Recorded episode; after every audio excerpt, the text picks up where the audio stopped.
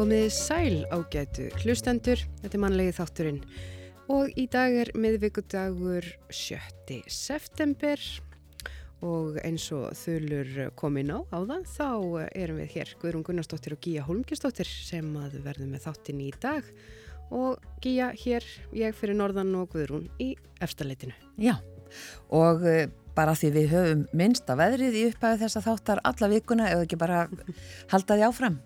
Ég held það, þetta er svo orðið bara hefð hjá okkur svona séður. Já. Ef við lítið hérna út um gluggan á, á uh, Rúf Akureyri húsinu hérna, þá sé ég nú að það er byrjað að verða svolítið uh, kuldalegra. Já. Svona skíin eru byrjað að verða grári og það er skíjaðra og hérna hittast í þeir eitthvað staðar svona í kringum, hvað, 12-13 gráðurnar? Já, einmitt. Alltaf sé ekki bara svipa hér, nú búið að draga fyrir þannig að ég sé ekki eins vel og þú út um, út um þinn glugga. En uh, á þessum degi, 1914, þá syndi Benedikt G. Vóge, sem síðar var fórseti ISI, fyrstur manna út í, eða nei, úr viðei til lands Já. og það tók hann uh, tvær klukkustundir tæpar. Já, svo 1928 á þessum degi þá var bandalag íslenskra listamanna stopnað til þess að gæta hagsmuna þeirra í einu og öllu. Fyrsta aðgerð við brjósklósi í baki á Íslandi var framkvæmt á kvítabandinu í Reykjavík á þessum degi 1943 og læknir var Snorri Hallgrímsson. Og 1944 þá fjallu tveir mjölkurbílar í Ölfusá. Er annar burðastrengur brúarinnar slittnaði undan þunga þeirra og báðir bílstjórnir björguðu stúr áni uh, en annar þeirra hafði það borist 1200 metra niður ána. Já, alveg ótrúlegt. Ótrúlegt. mál. Ótrúlegt að hann hafi, hafi bjargast. Já, fyrstu kvenkinsnefendurnir hófu nám við Princeton uh, háskóla í Bandaríkunum 1969. Já, þetta er nú annað ótrúlegt mál, svona seint. Já, Og 1970 á þessum degi þá uh, kom Jimi Hendrix uh, fram í síðasta sinn á tónleikum á eiginu Fem, já, já, Femmarn, Fem, Fem, já, já. já, já. Ert þú góð í þýskunni? Já, bara þetta, er í vest, fe- þetta er í vestur Þýskalandi. Já, femarn, þetta var bara þér. Já, það held ég. Ég veit allavega ekki betur. Nei. Og svo var það útför Díunu prinsessu 1997 uh, í Westminster Abbey. Yfir tveir miljardar manna fylgdust með þessari aðtöfn í sjónvarpi. Já, og þetta var auðvitað gríðar stór uh, viðburður og maður mann vel eftir að hafa fylgst með þessu. Já, En að efni þáttarins, við ætlum að halda áfram okkar árlegu yfirferðum hvað verður á sviðum leikúsana í vetur og í dag er komið að því að forvittnast um hvað verður á fjölunum hérna fyrir norðan. Og hún kemur til okkar Marta Nordal, leikústjóri leikfélags Akureyrar og segir okkur frá hvað er framundan hjá þeim. Bref úr sjálfskeipaðri útlegð er heiti að bók sem var að koma út. Þetta er sapn, esseja og ljóða sem Gunnlaugur Magnússon, dósent við Uppsala Háskóla, skrifaði og fjallar um lífið og tilveruna þegar maður velur að búa erlendis en gleymir hjartanu að hluta heima á Íslandi og við ætlum að e, tala við hann um þessa persónlegu og einlægu bók. Já, og svo aðeins fleiri bækur en annars konar en aldrei hefur jafn mikið, eða viða mikið námsefni verið gefið út í matreðslu á Íslandi og í nýri vefbók, vefbók sem var að koma út og það eru nokkri kennarar í mentaskólanum í Kópavogi sem standa á bak við útgáfuna en þetta er fyrsti partur af þremur og munu næstu þrep koma á næstu mánuðum og árum. Og bókina aðalega ætlu nefndum í matreðslu en einni getur almenningur nýtt sér bókina sem er tímalaus og farið vel yfir grunnþætti matreðslu. Og þeir koma hingað Ægir Friðriksson og Herman Þór Marinusson, matreðslukennarar við hótel og veitingaskólan og segja okkur allt um þetta. Já, og svo er það tónlistin. Já, fyrsta lag þáttarins verður eh, á sænsku. Þetta er hljómsendin Dína Ögon sem flytur hér lagið Mormor.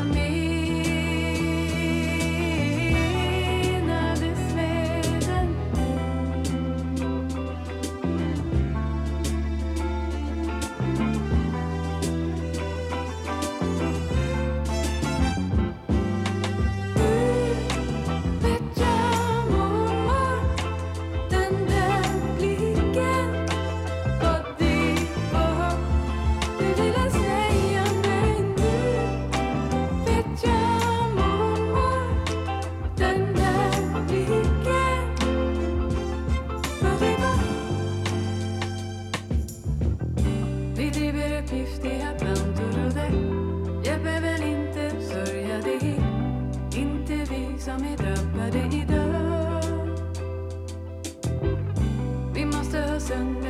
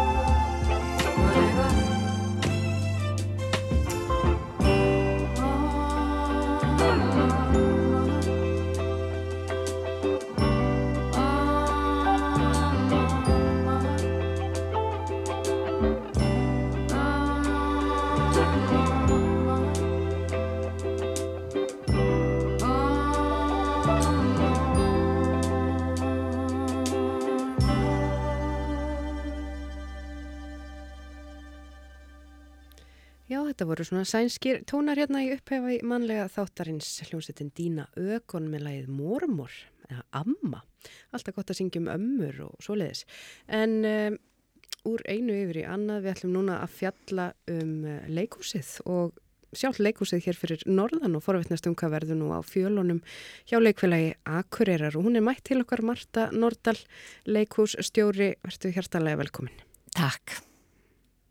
Jæja, það er auðvitað margt og mikið framundan. Eh, Hvar viltu byrja?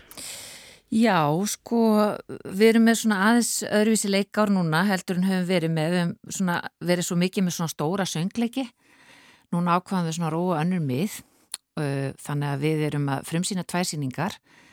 Annars vegar uh, verk eftir Þorvald Þorstinsson sem heitir End Björk of Course og eins og margir vita þá er hann akureyringur eða var og, og hérna mikill listamaður, myndlistamaður og leikskáld og hafði mjög mikil áhrif á aðra listamenn og á senuna bæði í myndlistinni og í leik, eh, leiklistinni.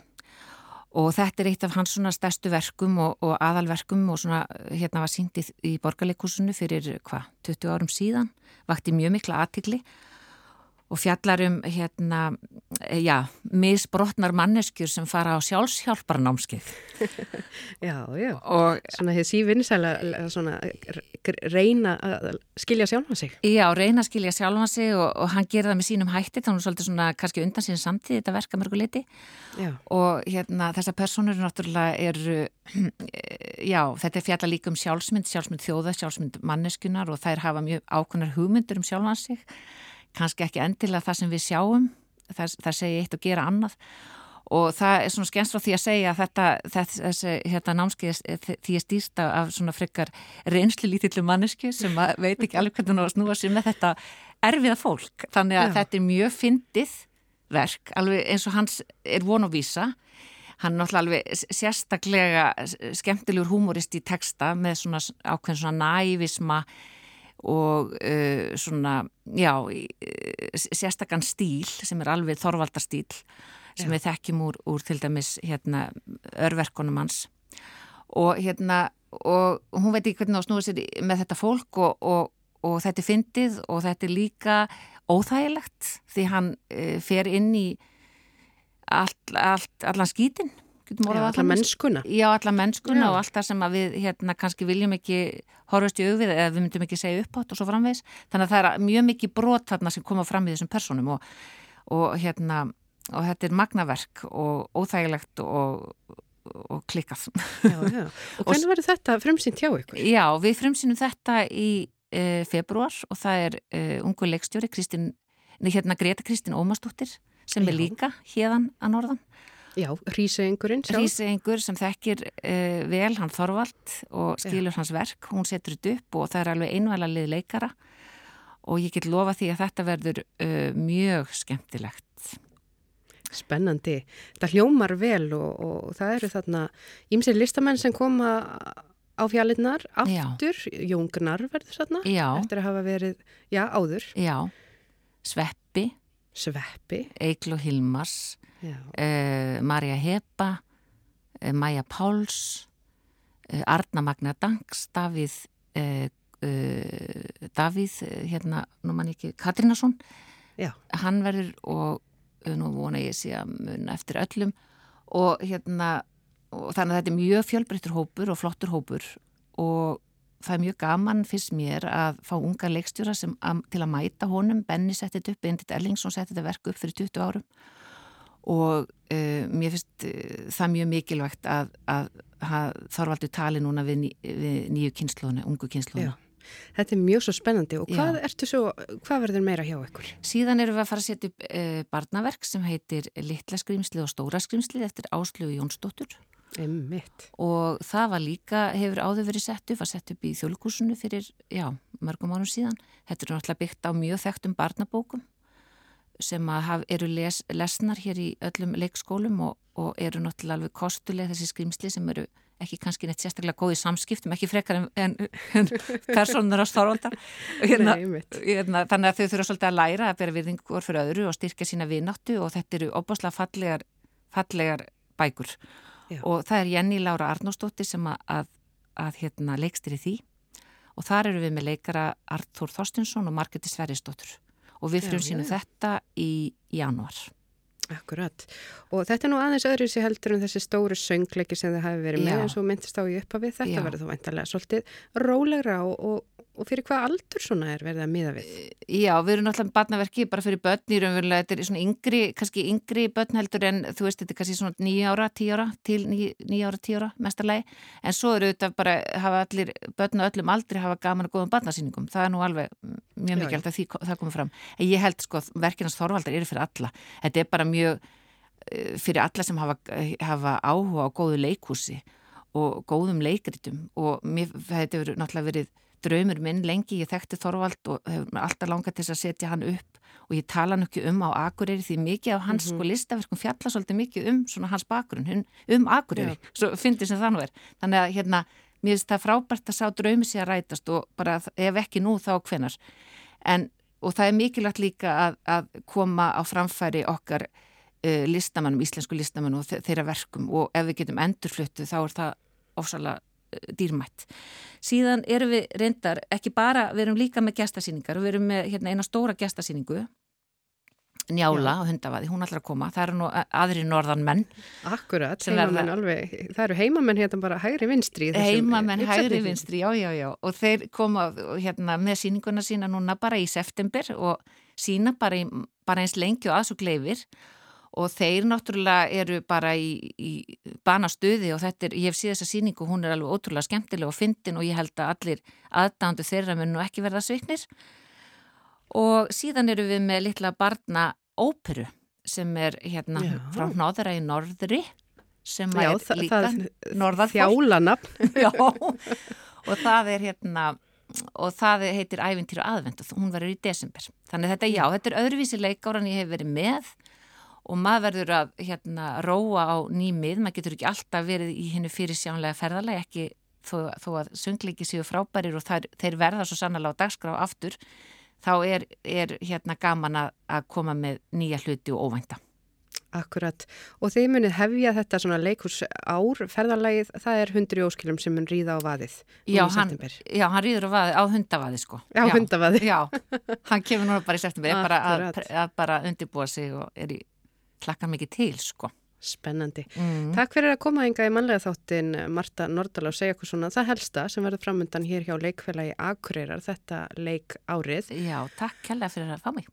og er ekki bara um að gera skella einu lægi með þeim félugum hundi óskilum uh, svona eftir þetta, þess að yfirferð okkar. Mm. Takk fyrir.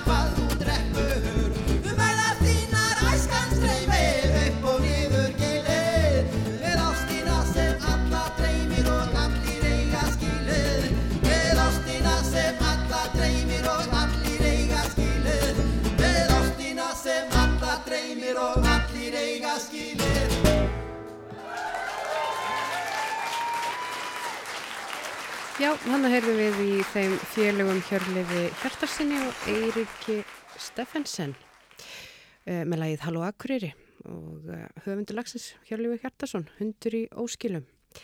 En þá er komið að næsta máli hér á dagskrá í manlega þættinum. Nú á haustmánuðum kom út nýtt námsefni í matreyslu sem já, hefur ekki sést áður á Íslandi og aldrei hefur námsefni verið gefið út í matreyslu jafn viðamikið og þessi vefbók er.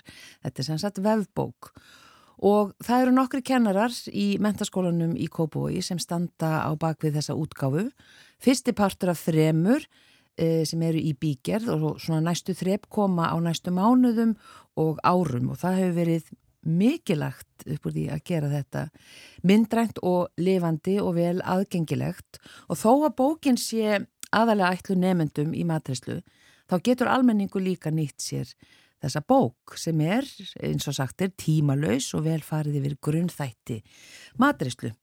Og þeir eru komnir hingað Ægir Friðriksson og Herman Þór Marnósson, báðir matrislukennarar við hótel og veitingaskólan. Velkomnir.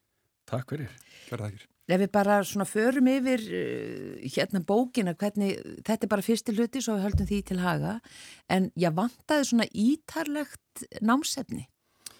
Mm, það vantaði ítalegra námsefni og, uh, og eins og eins og margir vita að þá er þróunin í matristlu ekki bara hér á Íslandi heldur í heiminum, hún er mjög ör og það uh, var mjög mikilvægt að fá svona rafbók til þess að geta uh, uppdeita hana eða, eða þannig þegar að það á við. Af Því að það er margt sem er í þessari bók í dag sem að við þurfum kannski að breyta eða laga eftir fimm ár. Já, það, það ör svona þróun í þessu. Mjög. Já, og svona ákveðn hátt, hver er svona þróunin? Er þetta tæknilegs eðlis eða? Já, bæði tæknilegs og, og það er, er opaslega mikið af svona hjálpar efnum sem að er verið að, að, að, þróa og móta og búa til sem að við reynum að halda í líka í skólum til þess að kenna nefndum okkar og þau efni sem að voru til dæmis vinsæl árið 2000 uh,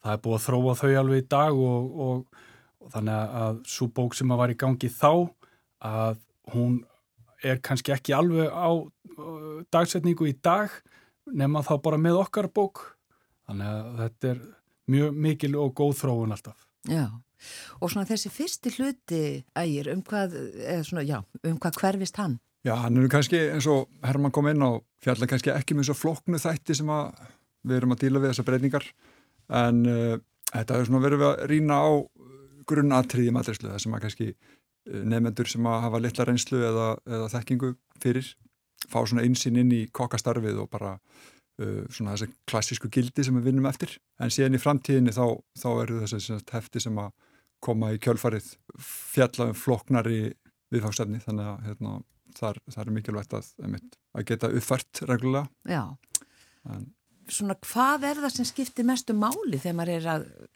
já, læra matrislu? Stór spurning Þetta er rosalega stór spurning og mjög erfitt að svarni, en ef Já. við bara svona tökum bara part uh, eða þennan, þennan fyrsta hluta sem þið voruð að Já. gefa út. ég, ég myndi segja hreinlandi og öryggisatriði það er kannski það sem við erum að fókusera á í þessu, Já.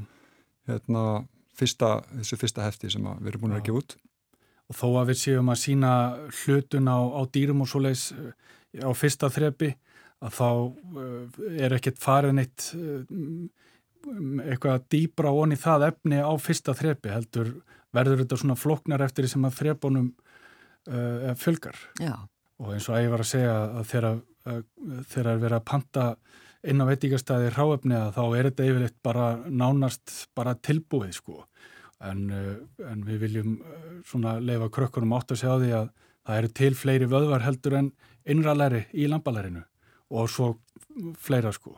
Ég myndi segja að þetta var kannski svona mjög mikilvæg atrið svona til að hafa baku eirum þegar maður byrjar í, í náminu. já. Þið fengu styrk til þess að, já, útbúa þessa vefbók. Svona segið mér bara svona frá vinnunni. Já, hún er alltaf búin að taka svolítið langa tíma þetta er búin að vera tvö ár og þetta er búin að vera aukavinna hjá okkur við ákveðum strax að hafa flottar myndir þannig að fengum hann Karl Pettersen sem er um, bara eitt fremsti svona mataljósmyndari Íslands.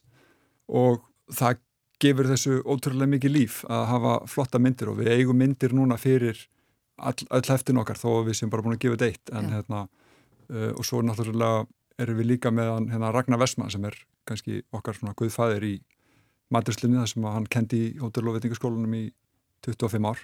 Já, og hann var búin að gera mikið efni og þetta er svona kannski fáið við svolítið mikið frá honum af efni inn í þessa bók sko sem að hérna, hefur ekki verið gefið út. já. Og hluti 1, hluti 2, hluti 3 segir mér hann svona frá því hvað, hvað bókin inniber. Uh, Hluti eitt er sem sagt, þetta sem við erum búin að vera að gefa út núna og uh, svo þegar kemur að hluta tvö að þá förum við í, í annan bekk og uh, svo er, er, er sem sagt, hluti nummið þrjú eða þriðja þrep að uh, þar erum við með bara útskrifta nefnendur og sem að eiga þá að vera búin að tilenga sér fyrsta og annað þrepið og, og er mjög svona bara góður hópur sem að, sem að á að að vera að koma með alla þá þekkingu sem að við erum óska eftir í fyrsta og öðru þrepun eins og segi og, og, er þá, þar eru kannski verkefnin uh, þess eðlis að við leggjum þau inn og, og það er þeirra að, uh, að, að útkljá þau Mm. en, en kannski eins og í fyrsta og öðru þrepunu að þá erum við meira, þá leggjum við verkefni inn og, og leiðum þeir svolítið meira inn í verkefnið.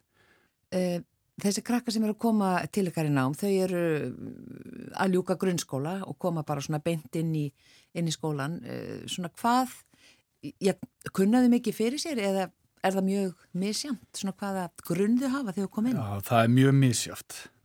Það er svona uh, flestir uh, hafa eitthvað smá áhuga og, og, og svona langar til þess að skiknast aðeins meira inn í þetta og, og áttar sér síðan á því kannski þegar þau þurfa að vinna 14-16 tíma á dag í vaktavinn og svo leysa það, það, þau vissu það ekki áður en þau byrjuðu þessi skrif en, en svo eru fleiri sem að fara alla leið og, uh, og vita í rauninni alveg um hvað þetta snýst og eru kannski byrjar að vinna á veitingastöðum út í bæ. Og, uh, og maður, maður sér alveg þá nefnendur sem að hafa alveg óbórslegan áhuga á þessu sko. Og uh, svo eru kannski eins og gengur að gerist bara í öllu námi að, krakkar á þessum aldri eru ennþá að þroskast og svoleiðis. Og kannski margir sem eru aðna út af félagskapnum eða öðru og sem að gefur þessu líka bara ákveði líf og er bara gaman að fá uh, allar tegundir af, af krökkum inn til okkar sko. já. Og hvaða svona mynd hafa þið af starfinu? Því að við sem horfum kannski svolítið á sjónvarp, við sjáum þetta í einhverjum þáttum og bíómyndum þar sem já, verið er að öskra á fólk eh, já, alla vaktina og, og svona, já, þetta kannski lítur ekkit mjög spennand út en, en hvað? en, en, en staðrendin er allt önnur.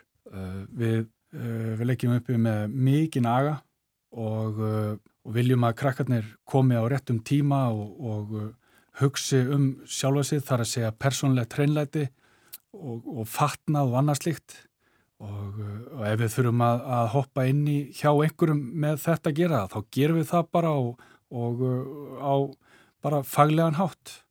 Og, náum yfirleitt að leysa bara upp úr þessu en það sem við sjáum í sjónvarpum og svoleiðis í matræslu þáttum að það er held að það sé nú kannski svolítið mikið verið að reyna að grípa fólkið sem er að horfa á þetta bara vá hvað þetta er rosalett, ég verði að horfa meira. En þetta er ekki staðrindin í dag. Þetta ekki sammálað því að þér? algjörlega sko. Og einmitt, við, við fáum alltaf nefnendur sem hafa verið innblásnir af því að horfa á kokkaþætti og halda að þetta sé allt öðru en síðan hérna, komast að því að, að hérna, það, er, það er lítið fjallað um svona, það, sem fylgir matrislinni í, í kokkaþáttunum, þú veist, það er ekki verið að mynda þrifin og, og þú veist, það er ekki farið eitthvað yfir einhverja svona verkferðla sem er mikilvægt að hafa hreinu til þess að vera valda ekki fólki helsuskaða þannig að hérna, það er það sem við viljum kannski svona ítrykka strax með útgáð þessara bókar að, að, að þetta sé svona það sem að þú þarfst að kynna þér áður en að þú getur farið að, að leggja þetta fyrir þig sko. Já, Ég veit ekki alveg hversu spennandi heill Gordon Ramsay þóttu væri ef að væri bara farið í gegnum hvernig uppþóttavillin snýr. Já, já akkurat. Akkurat. Þannig að svona fókusin er á allt hitt. Já. Já, akkurat. En, en svona hvernig er aðsóknin á þessa braut? ótrúlega góð sko. Það er, það er búið að vera mikið laukning senstu ár og hérna, þetta er líka spennandi starf og veist, ég, mér hefur ekki leiðist einn dag í vinnunni sko, síðan að ég byrjaði hérna 17 ára gamall. Þannig að ég get alveg mælt með því fyrir hvern sem er að, að fara í maturslanám sko. Já, og komast allir inn? Já, flestir í, í, í, hérna, í grunnnáminu, síðan náttúrulega eru við með uh, námið okkar er samnings, að fá samning á vinnustað, þannig að hluta til fer þetta fram út á vinnumarkanum og í samvinnu við uh, meistara og, og vinnustæði sem að hérna, taka þessi nema. Já, og hefur það lagast að því nú er nú, það var nú bara í fréttum fyrir ekki svo löngu síðan að það var svo erfitt að komast á samning. Það er náttúrulega ákveðin fjöldi sem kemst að, en samt sem áður höfum við náttúrulega þeir sem hafa komið til okkar í grunnnámið hafa átt svolítið greiða leið að vinnustöðum í kjölfarið sem að hafa hérna, sínt í áhuga að halda áfram. Mm. og það er, þú veist, það, er svona mælum með, með því að krakka sem eru að uh, stíga sér fyrstu skref fari í grunnnámi hjá okkur og fái það aðstóði í kjölfarið að komast á samning. Af því að við, við sjáum svo um að fylgja samningnum eftir. Já, einmitt. Og svona kynja hlutvalli, er það mm, svona nokkuð jæmt? Nei, Nei, það er nefnilega ekki alveg nógu jáft. Þetta er, uh, og, uh, er, við viljum sjá fleiri stelpur. Það er bara þannig. já, Og, uh, og, og eins og, eins og staðin er núna þá, þá eru, myndi ég, hvað er, 90% strákar Já. í skólanum hjá okkur. Já. Sem er frábært að ímsu leiti sko og allt það og bara gaman að sjá aðsóknina en það, mætti vera fleiri stelpur. Já. Þetta, er, þetta, er samt, þetta fer svolítið eftir önnum líka. Já. Kannski næstu önna þá verðum við með, með 60-40. Þannig að þetta er svona rosa rokkandi. allir meðaltali sé ekki svona 80% strákar á móti 20 stelp. Já. Vitið hvað veldur því? það sé ekki svona þessi hérna, vinnutími, þú veist, vera að vinna um helgar og, og kvöldin og, og það er náttúrulega kannski hérna, fælir, fælir frá sko og ég veit ekki hvort að, hérna, hvort að það hendar stelpum verð ég, en svo er þetta náttúrulega alltaf verið svolítið kallæg stjætt þannig og umhverju svolítið svona uh, kannski ekki alltaf hérna, auðvelt en, en það er búið að vera mikla breytingar núna setni tíð þannig að er, þetta er umhverju alveg jafn fyrir stelpur eins og stráka sko Já. þannig að mæli með fyrir stelpur að kynna sér maturslunum Já. Hérna kennið þið að útbúa kjötsúpu og svona, eitthvað svona gamalt íslenskt. Já, já, já. Klassíst. Bara, bara fyrsti, fyrsti bekkur og, og, og grunddeild er þar, þar bara viljum við halda í rótina sko og, og uh, hvort sem er uh, kjötsúpa eða, eða bara fiskur í raspi eða, eða, farsbólur eða bara þú veist og ég geti talið upp hérna í allan dag þessa íslensku rétti sko og við erum aldnir upp að þessu og, og vitum hvað er mikilvægt að, að kunna gera þetta frá grunni Já. að því að það er opbáslega þægilegt að fara út í búð og kaupa sér kjötfars og gera eitthvað úr því en kannt að gera það sjálfur frá grunni það er ekki kannski margir sem geta það sko en við viljum alveg bara endilega koma því á framfæri sko þannig að bara aðeinslegt sko Já. Þannig að þið eru bara hérna sáttir mm. með þessa grein og hún er, hún bara vex og dafnar. Já, allavega gert það senustu ár og vona að það haldi áfram svo leiðis Já. E, til hamingi með þessa nýju bók, matrislu bók sem er vefbók, svo það sé tekið fram, en, en já, við að mesta námsefni, getur ekki sagt það, í matrislu sem, sem hefur komið út á, á Íslandi og þetta er bara fyrsti hlutin og það eru teir hlutar eftir Já. mm. og hérna og þið fengu þennan styrk Já, Hvaðan frá, kom frá, hann? frá þróun og sjóði námsgagna yðnú stendur á baku útgáfana Já, og þeir halda utanum hérna, söluna og, og, og hýsa bókina fyrir Já. okkur. akkurat. Þannig að þið græðið ekki henni. Við græðum sáralínið. Þetta er, En það erum við ekki að fiska eftir því. Við erum bara, þetta er bara óbylandi áhugi hjá okkur sem stöndum á bakveg þessu bók. Óbylandi áhugi að matrislu og, og, og, og að miðla þekkingu og þannig að við vorum allir á, á, á einu að, að gera eitthvað meira og, og þarna líkur algjörlega okkar áhuga svið. Já. Kæra þakkir fyrir, fyrir komuna Ægir Friðriksson uh, og Herman Þór Marinósson, matristu kennarar við hótel og veitingaskóla. Takk fyrir að mæta. Kæra þakki frá okkur. takk fyrir okkur.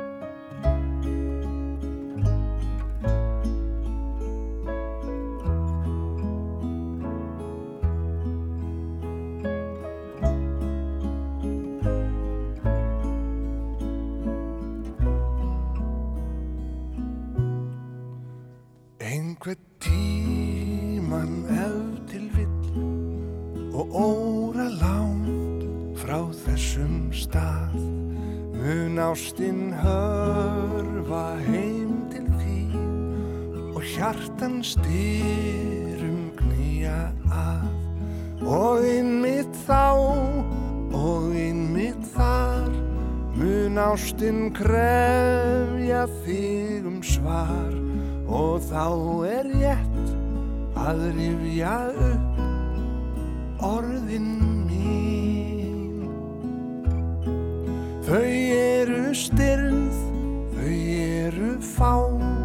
Þau sjálfsagt aldrei flugin á.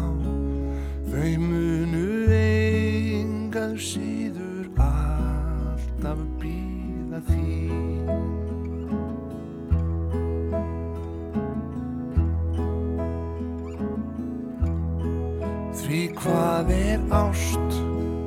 hvað er svar og hvernig geymist allt sem var?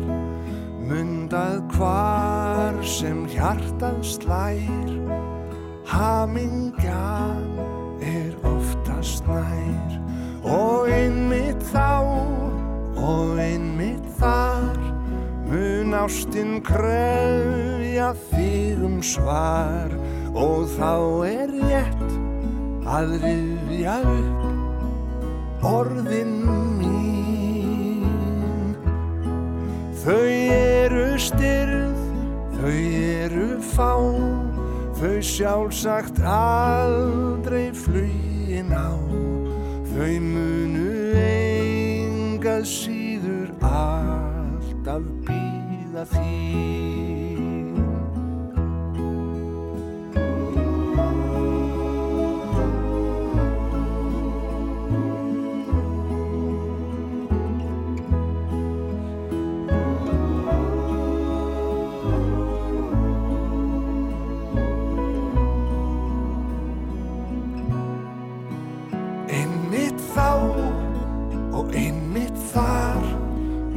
ástinn krefja þig um svar.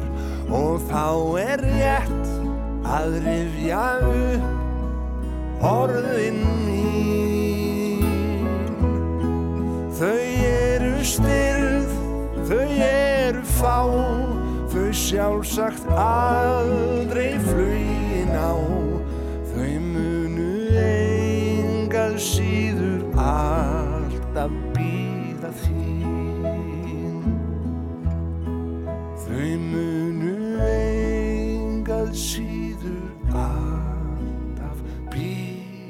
þín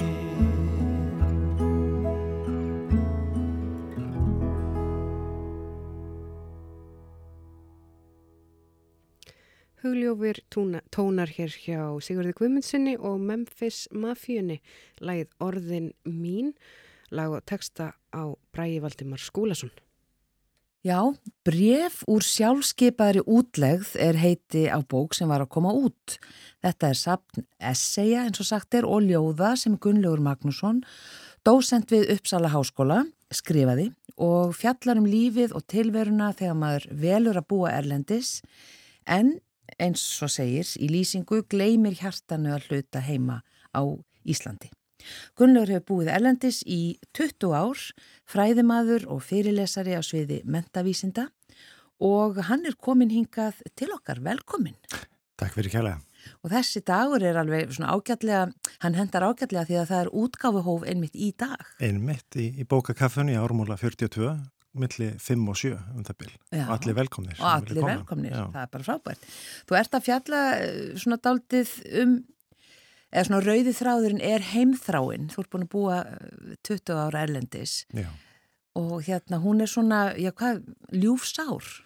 Sko heimþráin er nefnilega svolítið sérstöka því að hún er alltaf uh, í svona rósrauðum bjarma sko. Þannig að maður heldur alltaf að allt sé fullkomni í heimþráni og hún, hún byggjur umverulega bara á, á einhvers konar svona skáldsögu sem að býsir til um, um lífið og tilvöruna eins og hvernig það gæti verið og maður gleymir nú oft þessum svona gráma hverstagsins í, í heimþráni eh, og, og þess vegna er maður kannski alltaf að hugsa tilbaka eða, eða í uh, grasið sem er grætna einhver staðar annar staðar. Uh, þegar maður situr í, í skuttlinu með, með börnin á æfingar eða í skólan eða, eða hvernig sem það nú er þegar maður stendur og, og þrýfur íbúðina og, og vaskar upp En ég myndi líka segja að, að kannski bókin fjalli líka um útlegð að, fleira leiti heldur en bara frá Íslandi, jafnir líka að vissuleitunum til útlegð eða sjálfskeipaður útlegð. Við erum all í einhvers konar sjálfskeipaður útlegð frá einhverju uh, og essajarnir í þessari fjallaði náttúrulega hluta til um þetta að vera sjálfskeipaður útlegð frá Íslandi en líka til dæmis að vera sjálfskeipaður útlegð frá trúinni og sjálfskeipaður útlegð kannski frá geðhilsu og, og öðru, uh, öðrum svoleiðis þemum. Þú nefnir einmitt að loftkastalar heimþrárinnar Já. sem er aldrei góð lýsing og á bálköst heimþrárinnar og, og, og hérna þannig að þú svona gerir þig grein fyrir að þetta eru í huganum eru þetta já loftkastalar að því að þegar svona kemur að hversteginum þá eru já þá er hann kannski allstað svolítið eins. Nákvæmlega og, og það er með þetta að maður hugsa sér að, að ef, að, ef að maður væri í þessu hinnulíf þá, þá er maður ekki endilega ímynda sér öll smáadriðin eins og til dæmis að það þurfa að borga reikninga eða að það þurfa að fara með bílinn í skoðun. Heldur eh, sér maður fyrir sér einhver að drauma í búð og maður var að mitt í mátulegri fjarlæð frá, frá ættingum og vinnu sem getur kíkt við og ímyndi sér að það var þá kannski stanslu sumfur frekar heldur en það að fólk almennt sé alltaf upptekið í, í, í vinnu og öðru og maður finnur kannski sérstaklega fyrir því þegar maður kemur heim með börni sín sem náttúrulega eru fættar úti en, en upplifa mikla heimþrá til Íslands, Íslands.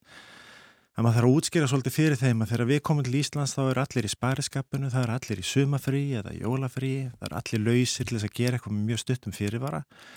Og að lífið sé ekki þannig hérna á Íslandi því að þeirra heimþrá byggir á, á sumafríum og jólafríum og, og, og að það kemur að sjálfsögðu sko, skamdegis myrkrið og, og að það kemur á november með hauststormum og það sem að enginn hefur tíma til að gera neitt annað heldur en að bara fara í vinnuna og í skólan en uh, þeirra draumar byggjast mikið í kringum fólki sitt og, og við höfum lagt mikið upp úr því að reyna að hafa sem best samband við okkar fólk og kona mín á, á mörg sískinni og, og já, líka sískinni og öll, allt þetta fólk er komið með börn og þannig að við höfum undanfærin ár til dæmis lagt mjög mikið upp úr því að vera með, sem mest með þessum fransískinum barnana og lefa þeim að, að njóta þeirra tengsla sem hægt er að hafa og vera kannski þessu svona spari frengur sem, sem að koma til Íslands og þá er svakalega mikið fjör hjá öllum. Já. Já. E, þið flytið út fyrir 20 árum og þá, já, var svona stefnan tekin á hvað?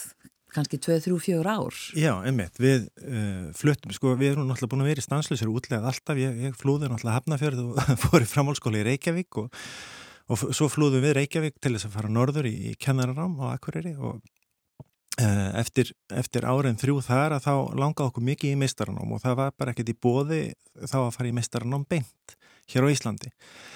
Þannig að við skoðum okkur um og fundum námi í, Stokkólmi sem okkur leist vel á og, og, og ákveðum að drífa okkur þanga og planið var sannsett bara að fara í mistaranám og, og það myndi kannski taka mestulitunum til þrjú ár og ég hafði með svona ákveðna draumi um það komast kannski doktorsnám og þá erið maður kannski út í fimm ár hugsaðum við okkur. En það leiði nú ekki mikið lengri tíma en, en eitt ár. Þá vorum við farin og fengum okkur kött. Og það er svona kannski skýrasta merkjum um það að við höfum ekkert verið á leiðinni heim. Ah. að maður fær á fengis í kettling. Og einn af vinnum mínum sem hjálpaði mér að sækja köttin sagði mitt við mig, þú veist það að ketti til lifa í 15-20 ár og ungt fólk sem er að fóta sig það hugsaður ekkert endilega alltaf neitt úðalega praktíst heldur. Þá, já, já, það rettast einhvern veginn hugsaðum við og, og, og svo áttuðum við okkur á því að við værum ekkert á leiðinni heim Þannig að það var svona fljótt sem þið áttuðið okkur að því. Já, það má segja það og kannski kom það svo litið aftan á okkur og einmitt uh, svona ofinberaðast okkur í þessum smáægilegu ákvarunum að, að maður einmitt fær sér kött og maður alltaf fer að svipast um eftir annari íbúð, svo litið stærri kannski.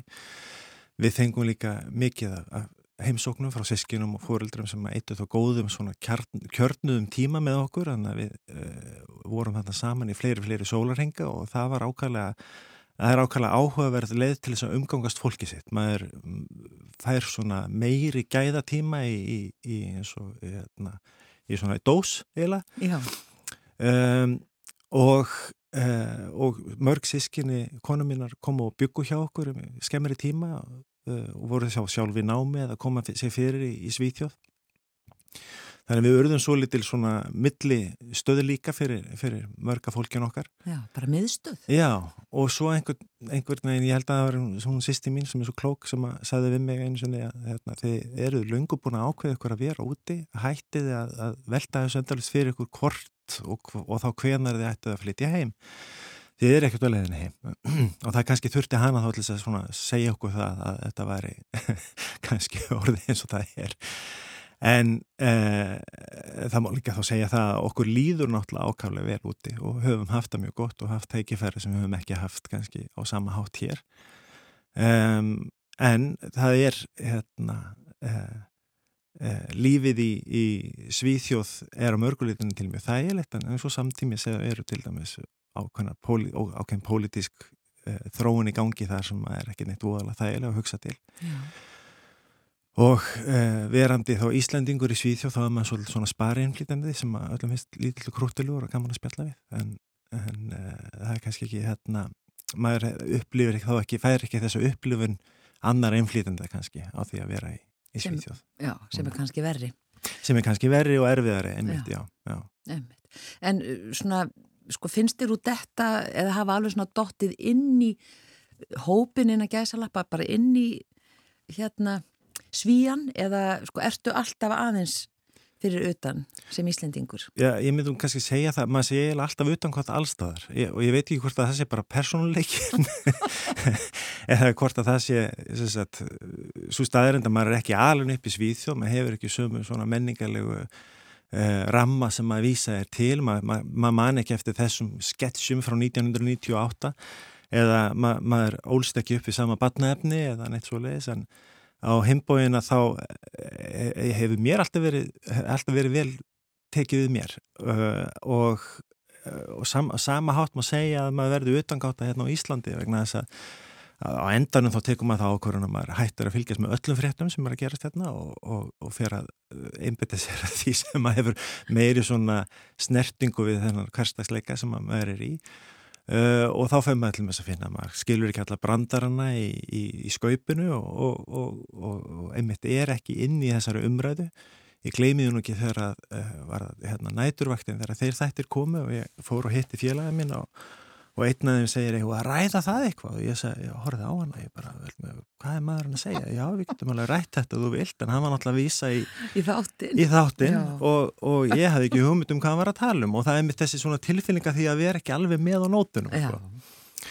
og, og Ísland, Sem er ekki þægileg. sem er ekki þægileg og Nei. Ísland er svolítið þannig að hlutirnir sko, það geta svona litli frasar eða, eða uh, hugtök eða, ímis, smáatriði í umræðinu sem að verða mjög fastur hluti af því hvernig fólk tala við hvort annað og við missum náttúrulega því sko. Já. já, maður er alltaf utangátta líka í pólitísku umræðinu hérna rétt eins og maður er kannski aðeins utangátta við hana í, í Svítjóð. Þessi bók er komin út og hún heitir, eins og ég sagði, bref úr sjálfskeipaðri útleð. Hvernig myndið þú lýsinni? þessari sjálfskeipu útlega Já, Já, þetta var mjög góð spurning, ég hef ekki búin að velta því fyrir mér. Ég, ég held að, titillina bókina hafi nú eiginlega komið fyrstur áður en að endilega hugmyndirnar uh, sem síðan eru uh, rettar í bókinni komið til. En uh, það er kannski þetta að, og ég, finn, þetta, finn þetta sérstaklega í samskiptum við kollega minni hérna á Íslandi sem hafa sérstaklega eins og Berglind Rós Magnúsdóttir, vinkona mín, sem hefur verið svona ítastundum í mig að ég koma heim að þá finn ég sko einmitt þetta með þetta sjálfskeipaða í útleðinu, það er að maður þegar það kemur að því að þá vill maður ekki koma heim. Þannig að maður er í þessari útleið vegna þess að maður velur það. Og uh, það er ákveðið val sem að maður gerir mjög reglulega. Maður það er ákveðun sem maður þarf að taka já, af og til. Mm. Og sérstaklega til dæmis þegar, börnum manns fá heim þeirra og, og vilja fara heim eða, já, eða fara, fara heim í það sem að þau halda sér heima. Og að, að, að þá, þá tekum maður þessa ákvörun aftur og aftur og aftur og aftur. Þannig að um, útlegðin myndi ég segja að sé að vissulitunum til kannski eins og ég, eins og ég nefndi áðan varðandi ekki bara þessa útlegð mínu frá Íslandi heldur líka eins og til dæmis þetta að missa trúna eða að upplifa það að maður uh, til dæmis eignis ketti þegar maður er með fjö, fjölskyldu sem með, með ónami fyrir kottum og, og svo framvegis eh, og, og einmitt þetta að maður kannski uh, já, velur það að vera utan við hlutina að vissulutinu til vegna þess að það veitir manni önnu færi eða önnu, önnu sjónarhótt sem að geti hjálpa manni að skilja hlutina á, á annar, aðra vegu og ég myndi kannski segja það líka að, að þessi sjálfskeipað útlegða þetta, þetta vera alltaf utangáta það sé líka eh, ákveðin ákveðin kostur vegna þess að þá kemur maður alltaf með annað sjónarhóttn inn í jöfnuna Mm. og ég myndi jafnvel segja að það kannski hafi nýst mér svolítið vel í, í mínu starfi eh, að vera vísindamæður í, í rannsóknum í Svíþjóð að maður nálgast hlutin á annan hátt heldur en kannski margir sem eru aldur upp í þessu skólakerfi og hefur insýn í öndur skólakerfi bæði út af því að maður er alveg upp í öðru skólakerfi og, vegna þess að ég stundar þannig náma, ég, ég stúderaði önnur skólakerfi Já.